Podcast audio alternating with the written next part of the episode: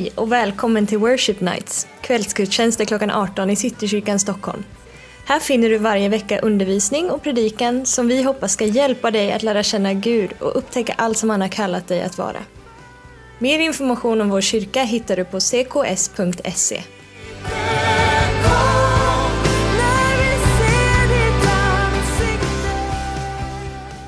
Så Herre, vi tillber dig. Först och främst på, på grund av vem du är. Du är alltigenom god, alltigenom trofast, alltigenom rättfärdig, alltigenom vår framtid och vårt hopp. Men vi prisar dig också för, för det du gör, för att du klev in mitt i våra omständigheter och förändrade allt. För att du inte lämnade åt oss, åt oss själva, för att du inte står på avstånd och lägger armarna i kors och, och säger, får se hur de löser det här. Utan för att du springer emot oss, för att du räddar oss, för att du griper in, för att du lyfter, för att du bär för att du upprättar och helar. Så Herre, vi bekänner oss till dig som, som vår hörnsten, som, som den som håller samman allt, som den som om man plockar bort den ur ekvationen får allting annat att rasa. Herre, den här kvällen så, så längtar vi efter dig. Vi längtar inte efter kunskapen om dig, vi längtar efter dig, ett möte med dig, få känna doften av ditt rike, få, få, få känna hur du kommer nära med din ande, få känna hur Jesus på något sätt kliver in i våra omständigheter och förändrar allt igen. Så även om du är här så säger vi kom Herre. Kom och ta plats, kom och gör det du vill, som du vill, hur du vill, bara vi får, får möta med dig ikväll. Jesus Kristus hörnstenar svag blir stark. I frälsans famn i livets storm han Herre är över.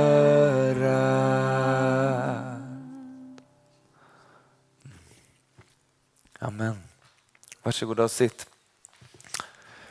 God afton. Jag är 30 plus så jag får uttrycka mig så. Det kan man inte tro.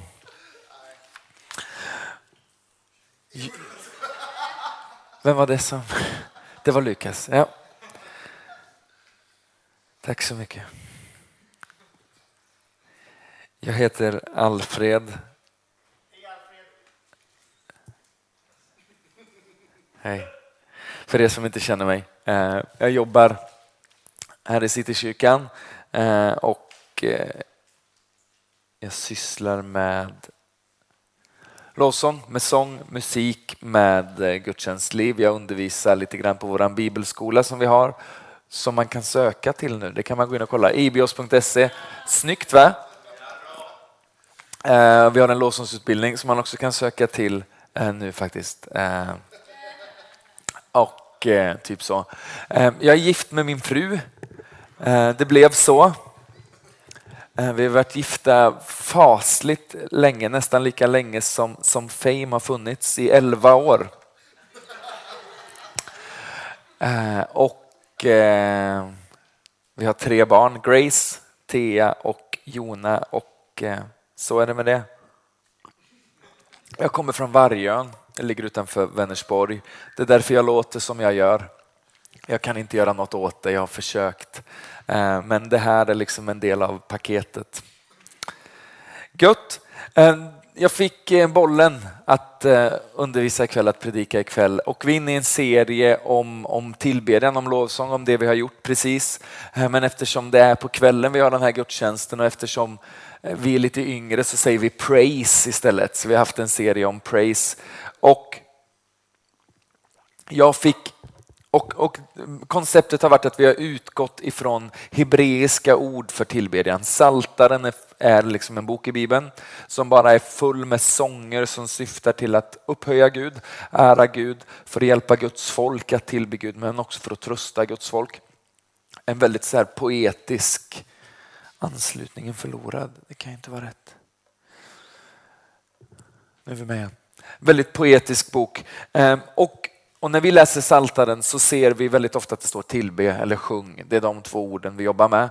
Men när man kollar i hebreiskan så har de massa liksom såna här eh, avancerade innebörder. Orden kommer laddade liksom med, med, med, en underliggande betydelse. Vi tittade på ett ord när vi träffades med lovsångarna i, i onsdag som heter guvl. Väldigt mjukt, väldigt så här välsmakande ord. Eh, som betyder typ att snurra runt som en dåre inför Gud. Så, att, ja, men så, så att det finns liksom en spännvidd i de här orden. Det hade varit kul att prata om för det hade kunnat skapa bilder. Men istället fick jag fira med sång och musik. Eh, va? Zamar. Zamar. Lite så tror jag. Jag väljer öden med lite sån eh, även en liten läspande touch. Zamar. Att det liksom är lite så. Zamar. Anslutningen förlorades står det hela tiden Jesper. Ska det vara så? Gött. Eh, så jag tänkte prata lite om det, om det här ordet för att vara snäll mot Daniel så att jag liksom inte gör något som jag inte har blivit ombedd att göra. Känns det okej? Okay? Kan leva med det. Klockan är fem i sju nu, det är bra. Daniel, han hade någon märklig logik. Han ville nog inte jag skulle känna mig stressad över att jag skulle prata så länge. Han kommer lyssna på podcasten sen så han hör det här sen. Hej, hej Daniel. Eh, då sa han, de har predikat lite längre de andra veckorna så du behöver inte predika så länge. Som att det är något sorts konto vi jobbar med över en fyra månaders liksom period eller något. Att till slut så, så vill vi att siffrorna går i lås. Eh, men det kan han ju glömma. Bra. Det finns någonting som heter eh, Westminster, Westminsters katakes. Eh, ett gäng väldigt så kloka engelska präster för ett par hundra år sedan satte sig ner och funderade på vad är det som är liksom eh, kärnan i evangelium? Vad är det som är alltings liksom centrum? Vad är det det handlar om egentligen? Vad är det att vara kyrka och hela den här grejen? Och så formulerade man det på ett väldigt pedagogiskt sätt så det skulle vara lätt för människor liksom att, att lära sig och då gjorde man så att man ställde en fråga och så skulle man liksom memorera svaret. Det var så hela eh, liksom systemet var upplagt. Lite som husförhören ni vet i, i, i svensk kyrka, liksom, fast det här var den lite mer pedagogiska varianten. Och då ställde de sig, kontrollera att Keynote är öppet på Alfreds Macbook Pro. Det här är ju datasatan.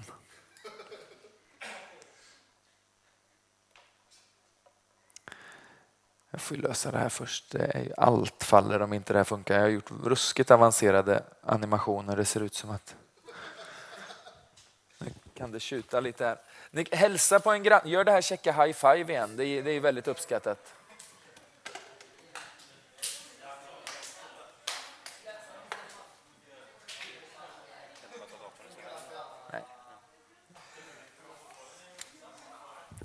Så, nu ska vi se då. En chans till. Annars så blir det en kort kväll. Bra, nu är vi med. Jo, eh, och, så, och så är också systemet sådant att det, det börjar liksom med det mest centrala på något sätt och så är det någon sorts fallande ordning till det som fortfarande är viktigt men, men är mindre centralt. Ni hänger med på konceptet. Och då ställer man frågan som är så här, what's the chief end of man? Alltså vad är människans yttersta liksom syfte på något sätt? Vad är det som är kärnan av det vi är? Vad, vad går livet ut på egentligen? Och så besvarar man frågan genom att säga the chief end of man is to glorify God and enjoy him forever. Någon sorts inbjudan att, att ära Gud, upphöja Gud, tillbe Gud, men inte som en arg Gud, som en despot, som någon som sitter på avstånd med armarna i kors och säger underhåll mig där vi blir någon sorts hovnarrar, ni hänger med på bilden på något sätt. Utan där, det är att ära Gud och njuta av honom för evigt. Och det måste liksom vara vinkeln och hållet som vi kommer ifrån när vi pratar om det här för annars så blir det bara ett görande och någon sorts handling och ritual vi utför. Och jag går inte riktigt loss på det. Nere i tunnelbanan i Stockholm nu så är det en, en annonskampanj med, med gamla människor som har på sig sådana kläder som vi har på oss. Det är lite så exotiskt. Så kolla en människa som är över 60 men som har på sig eh, kläder som, som unga människor har. När jag, som jag, när jag blir gammal så vill jag se ut så här. Jag vill bli gammal på riktigt.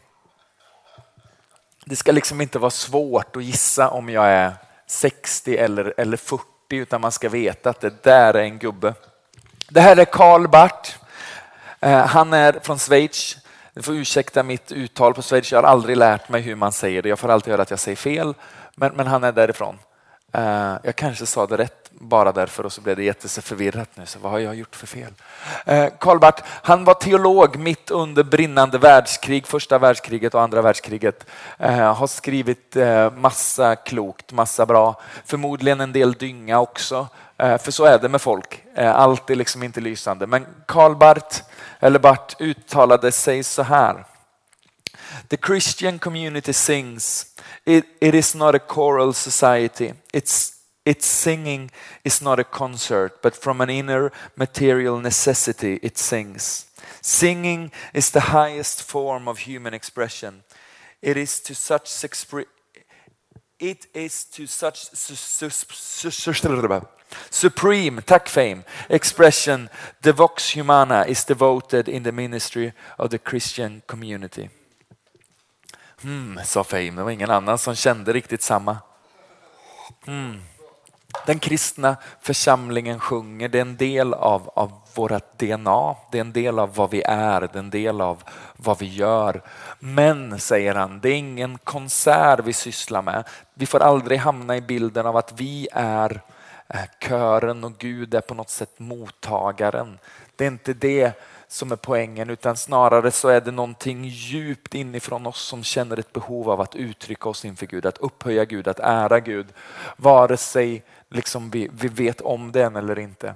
Så han säger att det är själva kärnan av, av vad vi är. Och så spetsar han till det och säger att det är den, den högsta formen av, av mänskligt uttryck. It is to such supreme expression, the vox humana, alltså, äh, människans röst is devoted in the ministry of the Christian community. Och jag tänkte att vi, vi, vi ska snurra runt det här och, och rycka lite här och försöka eh, koka soppa på en spik. Att sjunga och spela till Herrens ära, försöka liksom prata och rota och, och, och vrida och dra lite i det här. Och Att sjunga har, har alltid varit, eller att tillbe med sång och musik har alltid varit en del av vårt DNA. När man kollar i Saltaren så är liksom från psalm 120 till psalm 134 så är det sånger som är skrivna för ett folk på väg. Sånger som är skrivna på väg upp till Jerusalem när folket, när, när Guds folk, när Israel skulle samlas liksom en gång om året för att tillbe, så sjöng man något som heter vallfartssånger, sånger som på något sätt syftade till att påminna Guds folket om vad Gud hade gjort i historien för att hjälpa dem att liksom förstå poängen med det, att, att gå till templet, att komma inför Gud, att, att offra, att fira, att tillbe. Så det är någonting som vi alltid har gjort. Ehm, en kille som var med och jobbade mycket med saltaren eh, och jobbade med en del material. Var den här killen, kung David. Eh, han ser lite blåst ut. Modern. Mm. Jag vet inte, jag undrar varför han har öppen mun. Det ser inte ut som att han sjunger, det ser mer ut som att han har pollenallergi och liksom kämpar för att få i sig luft. Att näsan är helt bom tätt. Det ser också ut som att någon har huggit av ett av hans fingrar. Eh, lite läskigt. En bra bild, det var den jag hittade. De andra bilderna, då hade han inga kläder på sig. Det kändes inte passande. Det var hans grekiska statyer. Han säger så här i psalm 33. Jubla i Herren ni rättfärdiga, de ärligas lovsång är skön. Tacka Herren med harpa, sjung hans lov med tiosträngad lyra. Sjung till honom en ny sång, spela vackert med jubelrop. För Herrens ord är rätt och han är trofast i allt han gör. Han älskar rättfärdighet och rätt.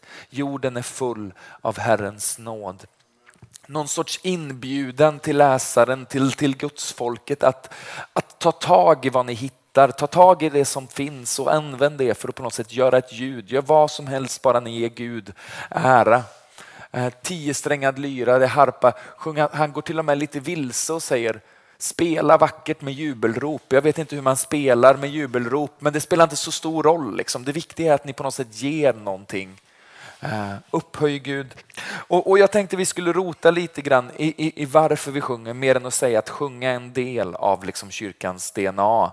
Det är ju eh, sant, tänker jag.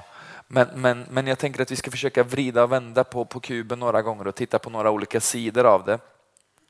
För att på något sätt motivera för oss varför gör vi som vi gör? Varför är det här så viktigt? Varför är inte tron bara liksom en, en ensam seglats, någonting vi gör liksom i vår, vår ensamhet? Varför är det viktigt att vi kommer samman och varför i hela friden lägger vi en tredjedel eller mer av tiden när vi möts för att sjunga?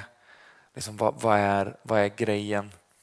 Eh, jag tänker så här. Varför sjunger vi? Vi sjunger för att spegla himlen och förankrar, förankra kanske hade varit mer liksom språkligt klädsamt, men nu är det så här. Det speglar himlen och förankrar oss framåt. Den kristna kyrkan är i sitt väsen profetisk. Det betyder att allt vi gör och allt vi är syftar till att ehm, i någon mån antingen bana väg för Guds rike eller gestalta någonting av Guds rike, av himmelriket. Vi, vi finns för att, för att visa på en annan verklighet. Hänger ni med på det när jag säger så? Ehm, sen när vi säger att vi speglar himlen så handlar det om att vi på något sätt utför en handling här som alltid har pågått i himlen och som alltid kommer pågå i himlen. När vi läser i Bibeln, när vi läser i, i Uppenbarelseboken som är Bibelns sista bok så, så målas det hela tiden bilder av hur Gud blir tillbedd av, av änglar, av de heliga, alltså de som, som oss som en gång liksom kommer vara i himlen. Hur, hur Gud blir liksom eh, firad för sin godhet och sin nåd. Och när vi tillber så blir det som en spegelbild av det, liksom ett, ett, ett eko på något vänster innan och efter. Men, men det förankrar oss också framåt i bemärkelsen att det här är inte allt. Som Dennis var inne på, jag kände mig liksom meningslös i något vänster. Och, och, och, risken finns ibland att livet känns lite sådär meningslöst, lite frikopplat, lite sådär sen är det slut. Men, men, men tillbedjan och sången hjälper oss att, att fästa blicken på att det här är inte slutet. Livet är inte liksom 84 år söder om Stockholm. Utan, utan det finns mer. Eh, det är därför vi sjöng som i hörnstenen i tredje versen. Eh, va? När jag hör domsbasunens ljud, ja, lite sådär kryptiskt. Låt mig bli funnen i dig Gud, stå klädd i din rättfärdighet, få prisa dig i evighet. Någonting av det vi gör är liksom test, ett repeti en repetition av det som kommer hända och ske i evighet. Jag tänkte att vi ska titta på en, på en bibelvers från Uppenbarelseboken bara för att ge oss liksom en, en, en aning om det här. Och språket i Uppenbarelseboken är alltid lite sådär upphottat och, och, dramatiskt. Det är en kille som heter Johannes som har skrivit det och han får en syn, han ser in i himlen och så försöker han på något sätt att beskriva det som han aldrig har sett förut. Han försöker hitta ord för någonting som det inte riktigt finns ord för och därför så blir det lite sådär för, för han har liksom ingen superbra referens för det. Så man, man får ta med sig den känslan av att hjälp, nu blev det mycket. Jag var på en ö ute i Medelhavet nyss och nu är jag i himlen och så säger de skriv och så ska jag liksom lite hastigt och lustigt teckna ner det här och då blir det lite sådär åh. Men så här blir det då. Och jag såg ett annat stort och förunderligt tecken i himlen, sju änglar med sju plågor, de sista sju plågor, de sista, för med dem når Guds vrede sin fullbordan. Och jag såg liksom ett glashav blandat med eld och på glashavet stod de som hade besegrat vilddjuret och dess bild och dess, namn, dess namns tal. De har Guds harpor i händerna och sjunger Guds tjänare Moses sång och Lammets sång. Och här är sången de sjunger. Stor och underbara är dina gärningar, Herre Gud allsmäktig. Rätta och sanna är dina vägar, du folkens kung. Vem skulle inte vörda dig Herre och prisa ditt namn? Bara du är helig och alla folk ska komma och tillbe inför dig. för dina rättfärdiga domar har uppenbarats.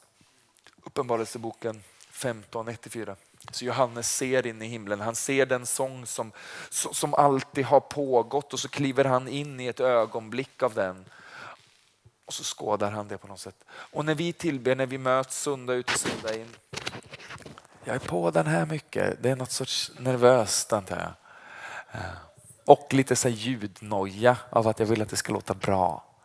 Så jag jobbar ju med musik. När Johannes ser in i himlen så, så, ser han det här ske och när vi samlas för att tillbe så, så speglar vi något av det här. Vi, vi sjunger samma sång i någon mån. Vi, vi, vi sjunger liksom som en spegelbild av det som pågår i hans himmel. Men inte bara det, det hjälper oss att inse att vi är en del av någonting större. Det handlar inte bara om oss, det handlar inte om, om liksom 42 personer i en ganska mörk lokal på Adolf Fredriks kyrkogata.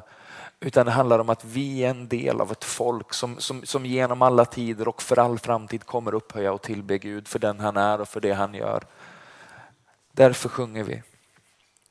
Men, men det är inte bara en påminnelse om vad som en gång ska ske och en påminnelse om, om, om, om festen som vi inte riktigt är med på. Om ni förstår vad jag menar. Utan vi sjunger också för att välkomna himlen. Ett av mina absoluta favoritbibelord är, kommer ifrån från Saltaren eh, 22 och 4. Dels för att jag tycker att det är bra, dels för att det är så kort så jag har lärt mig det utan till. Men nu läser jag ändå innan till så jag inte ställer till det.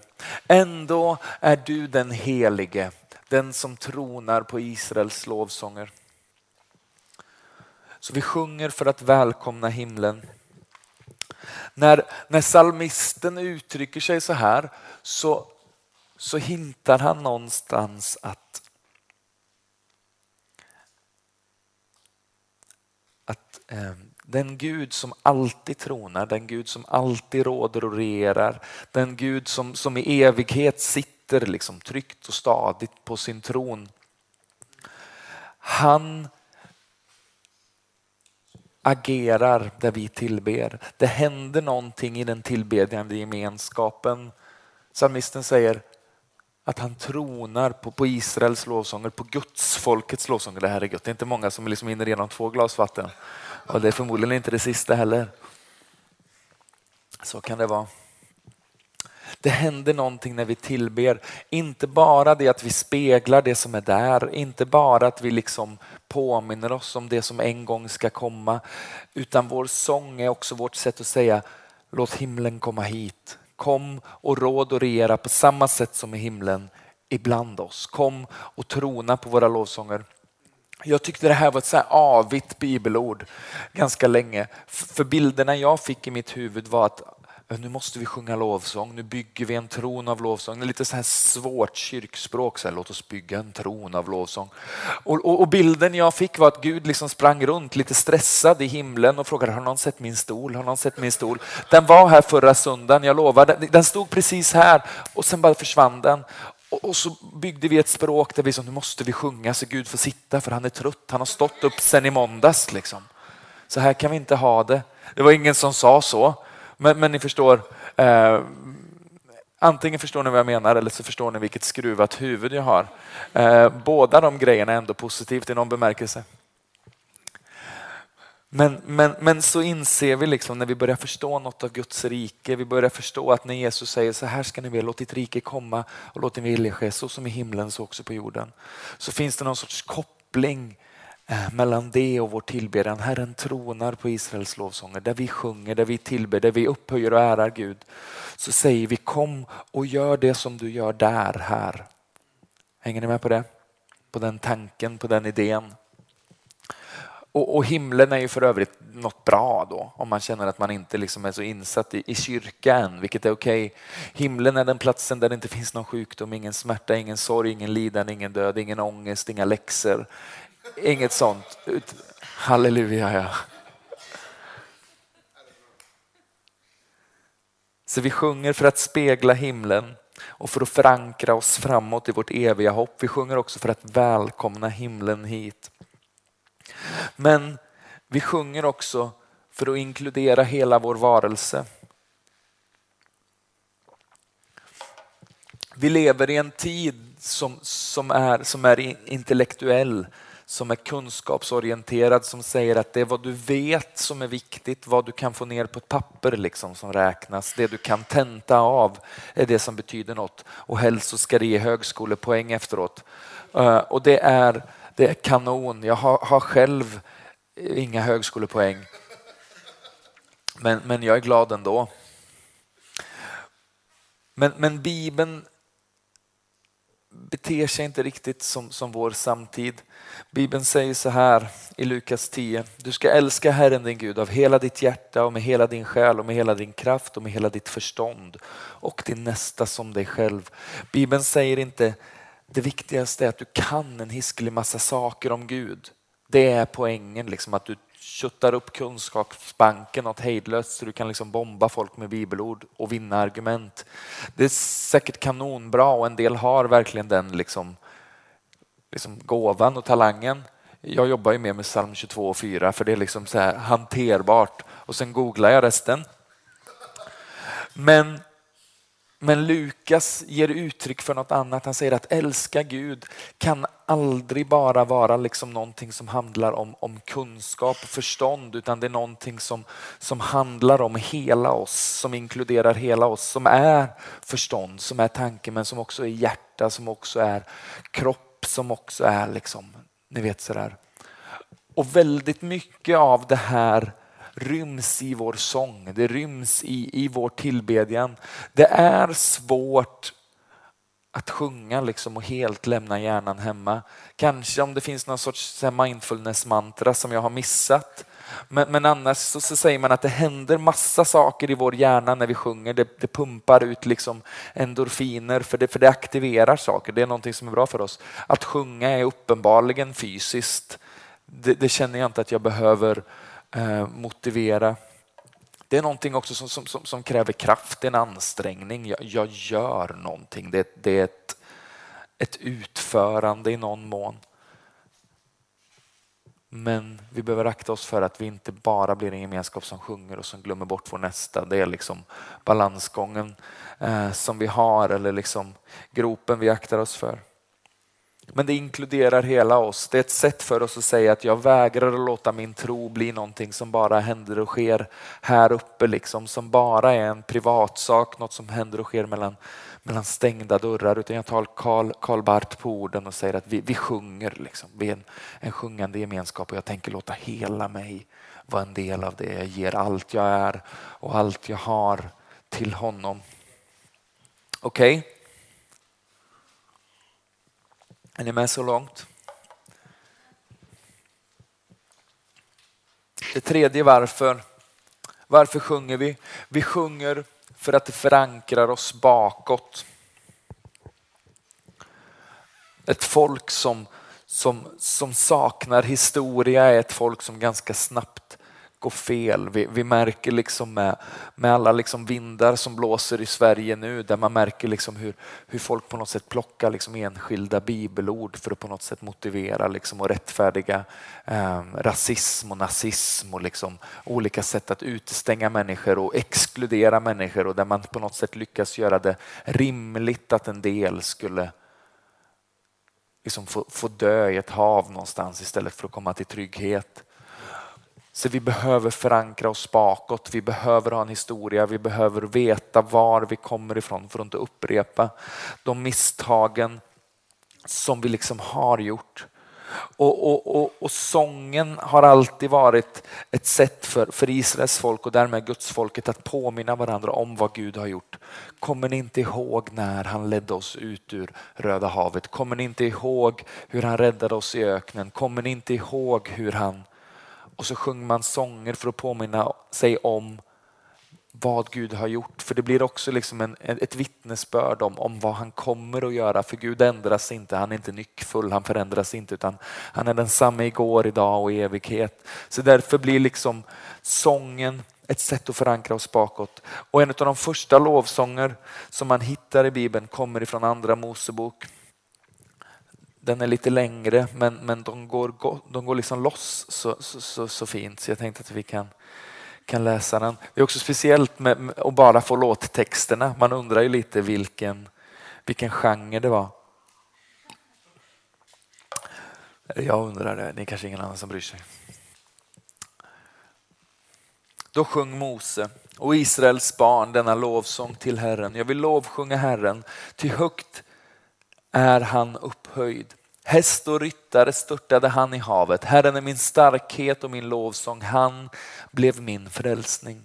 Han är min Gud, jag vill prisa honom, min faders Gud, jag vill upphöja honom. Herren är en stridsman, Herren är hans namn. Faraos vagnar och här kastade han i havet, hans utvalda krigsmän dränktes i Röda havet. Djupen övertäckte dem, de sjönk till botten som sten. Din högra hand, Herre, härlig i sin kraft, din högra hand, Herre, krossade fienden.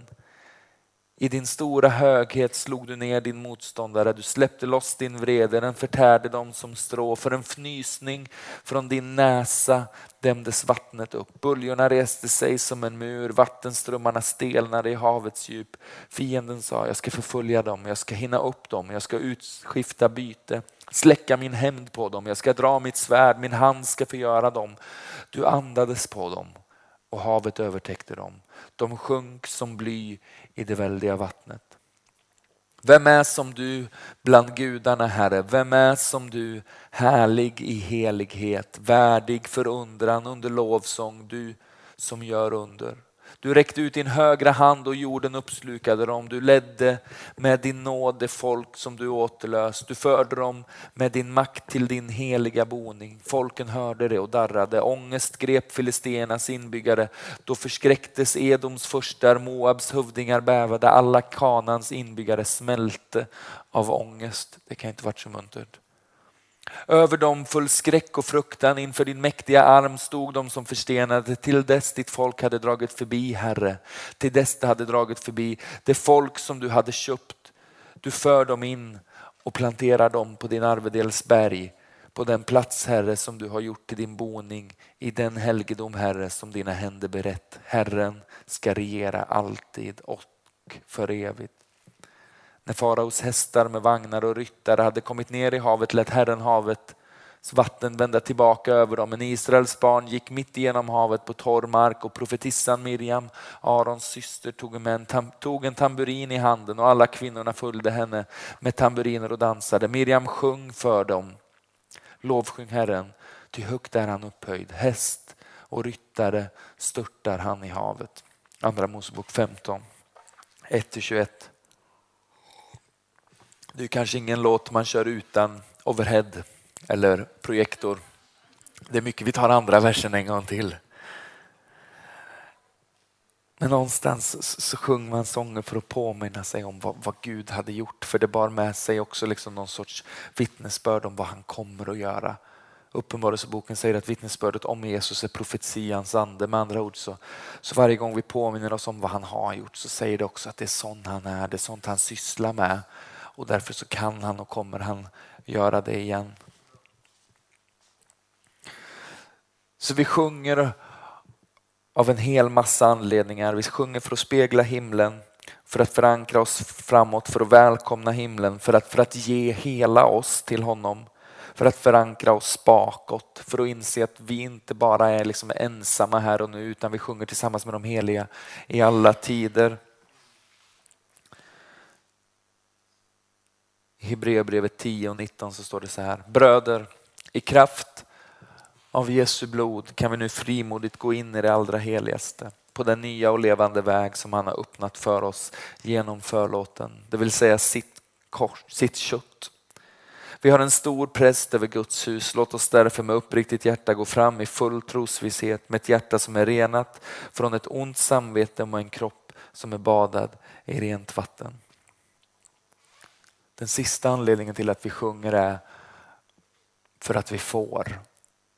För att evighetens Gud i sin nåd har låtit liksom den, den synd och den skam som jag bar, som du bar eller som du fortfarande kanske bär, han har, han har tagit det ifrån oss med, med en enda på något sätt enkel anledning för att han säger att jag vill umgås med dig, jag vill lära känna dig, jag vill att du ska vara närmre mig än mitt eget andetag. Liksom.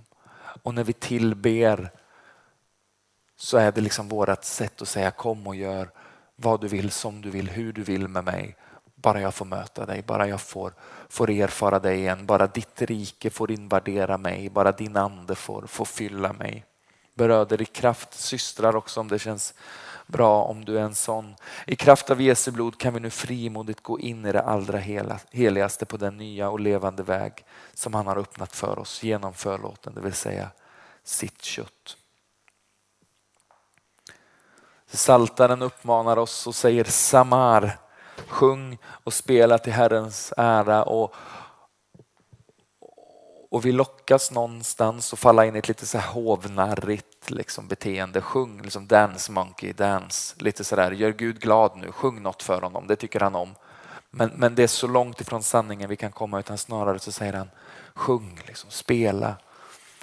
För evighetens Gud vill möta dig, evighetens Gud längtar efter dig, evighetens Gud vill på något sätt inlämna dig i någonting mycket större där du inte är ensam och livet känns liksom lite sådär tomt och meningslöst och, och lite sådär. Det började och sen tog det slut och det var väl gött. Utan det vi snarare blir en del av någonting så mycket större, av ett folk liksom, som, som, som har funnits sedan tidernas begynnelse och som alltid kommer tillbe honom. Så Karl Barth säger The Christian community sings. It is not a choral society. It sings its singing is not a concert, but from an inner material necessity it sings. Singing is the highest form of human expression. It is to such supreme expression the Vox Humana is devoted in the ministry of the Christian community. Vi sjunger från en djup inre nödvändighet på grund av att han är den han är, på grund av att vi, vi får. Okej? Okay? Så jag tänker att det ska bli konkret någonstans. För risken är att vi, vi, vi pratar om, om de här grejerna och det blir lite sådär abstrakt och stort och, och flummigt och evighet och himlar och, och liksom de håller saker i händerna och så. Ska vi trycka framåt en Jesper så slipper vi ha massa text. Ja, och, så kan du, och så kan du byta till proprocessor.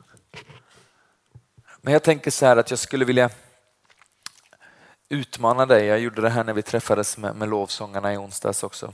Jag lever med, med en, en, en visshet i mitt liv som också är min stora skräck.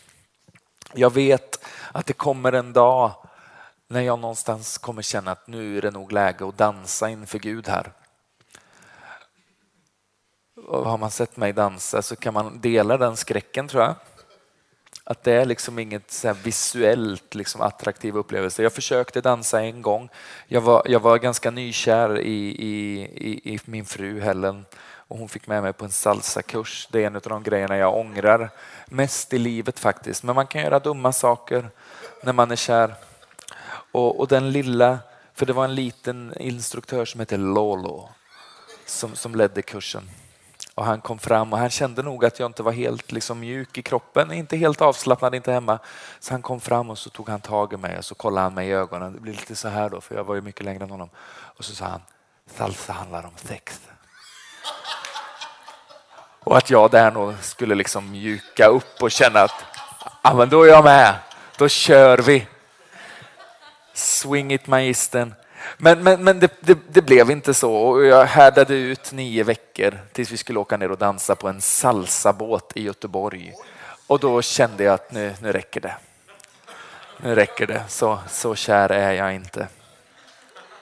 Men poängen är den här att, att det finns en, en orimlighet, inser jag liksom.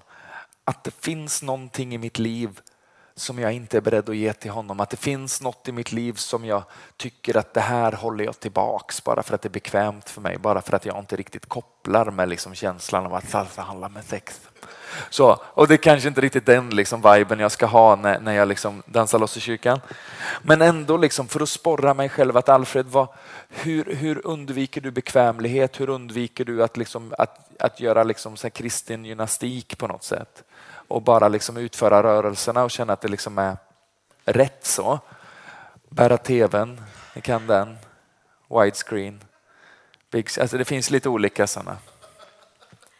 Hur håller jag mig själv på något sätt på tå? Hur, hur, hur, hur exponerar jag mig för, för möjligheten av att det kommer en dag när jag inte kan hålla det ifrån honom längre? Inte för att han kräver det, men för att jag vill gensvara på honom. Och, och, och, jag skulle på något sätt vilja skicka med dig frågan, vad är din dans? Liksom? Vad är den där grejen som du vet att någon dag liksom, så finns det någonting som jag behöver göra inför honom för att uttrycka min liksom tacksamhet och min, min, min, min kärlek till honom. Och, och, Det kanske är att du ställer dig upp under lovsången eller att du böjer knä under lovsången eller att du lyfter dina händer. Det är helt ointressant vad det är eller hur det ser ut. Det kanske är att du börjar sjunga för första gången och på något sätt låter din beundran eller kanske bara din längtan efter någonting liksom få bli liksom artikulerat och få, få form.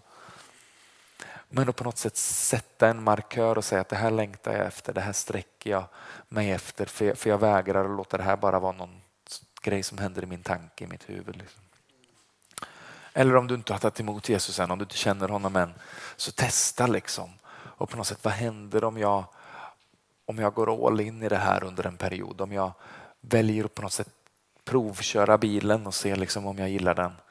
Att tillbe honom, att, att liksom ge sig åt honom så gott det går med den förståelse som du har just nu. Känns det som, som, en, som en utmaning som någon skulle hänga på? Och så får ni se liksom dagen när jag dansar, då vet ni liksom att det är dags att flytta fram positionerna och leta efter någonting nytt. Okej. Okay.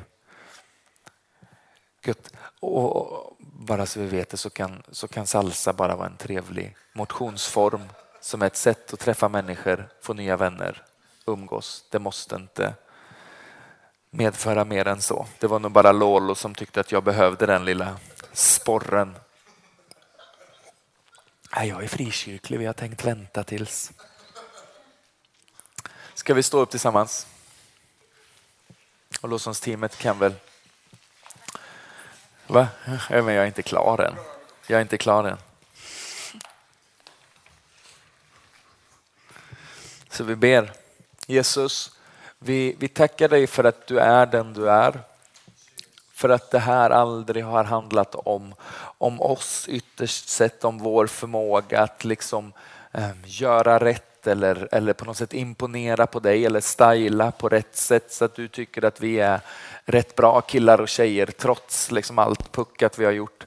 Utan det handlar snarare om, om din inbjudan och din utmaning till oss. Jag utmanar er. liksom, hur nära, hur nära vågar ni komma? Hur, hur nära mig vågar ni springa? Hur mycket av er själva vågar ni ge till mig? Att det är det som du, som du säger till oss, någon sorts inbjudan om att det finns mer. Kom och smaka och se att jag är god. Och därför så uttrycker vi Herre vår, vår längtan efter mer av dig och att den inte bara skulle få vara en längtan som stannar i vår tanke eller som stannar i vårt hjärta utan att den skulle få uttryckas av oss som individer men också av oss som folk att vi längtar efter dig Herre, att vi längtar efter att få se ditt rike ibland oss. Men också hoppet som finns i att vi får tillbe att vi, vi kommer någonstans ifrån och vi är på väg någonstans. Och, och mitt i det så står vi i det här rummet och säger Jesus, ingen är som du. Ingen kan jämföras med dig, ingen liknar dig, ingen har någonsin gjort det du har gjort eller kommer göra det du har gjort. Och därför så är vår sång, våra tack Samar blir vårt sätt att säga Jesus, vi, vi upphöjer dig, vi älskar dig, vi ärar dig. Vi, vi vill ge någonting som kommer från djupet av oss själva, som inte är en produkt som någon annan har byggt, som vi köper oss fria med, utan vi vill ge våra liv till dig. Och, och det bästa vi har just nu är, är vår sång som på något sätt får passera våran kropp, vårat hjärta, våra tankar och, och lämna vår mun som någonting som du märkligt nog tycks gilla och, och, och, uppskatta oavsett om det är vackert eller, eller fult i våra ögon. Så kom helige Ande och, och ge oss mod att sjunga lovsång. Ge oss mod att vara mer intresserad av vem du är än av den som står bredvid mig. Tack för att du lyssnat på veckans predikan från Worship Nights. Skulle du vilja veta mer om vem Gud är, så tveka inte att kontakta oss på worshipnights.cks.se. Dessutom är du alltid välkommen till någon av våra gudstjänster på söndagar klockan 11, 14 och 18 på Adolf Fredrik kyrkogata 10. Hoppas vi ses!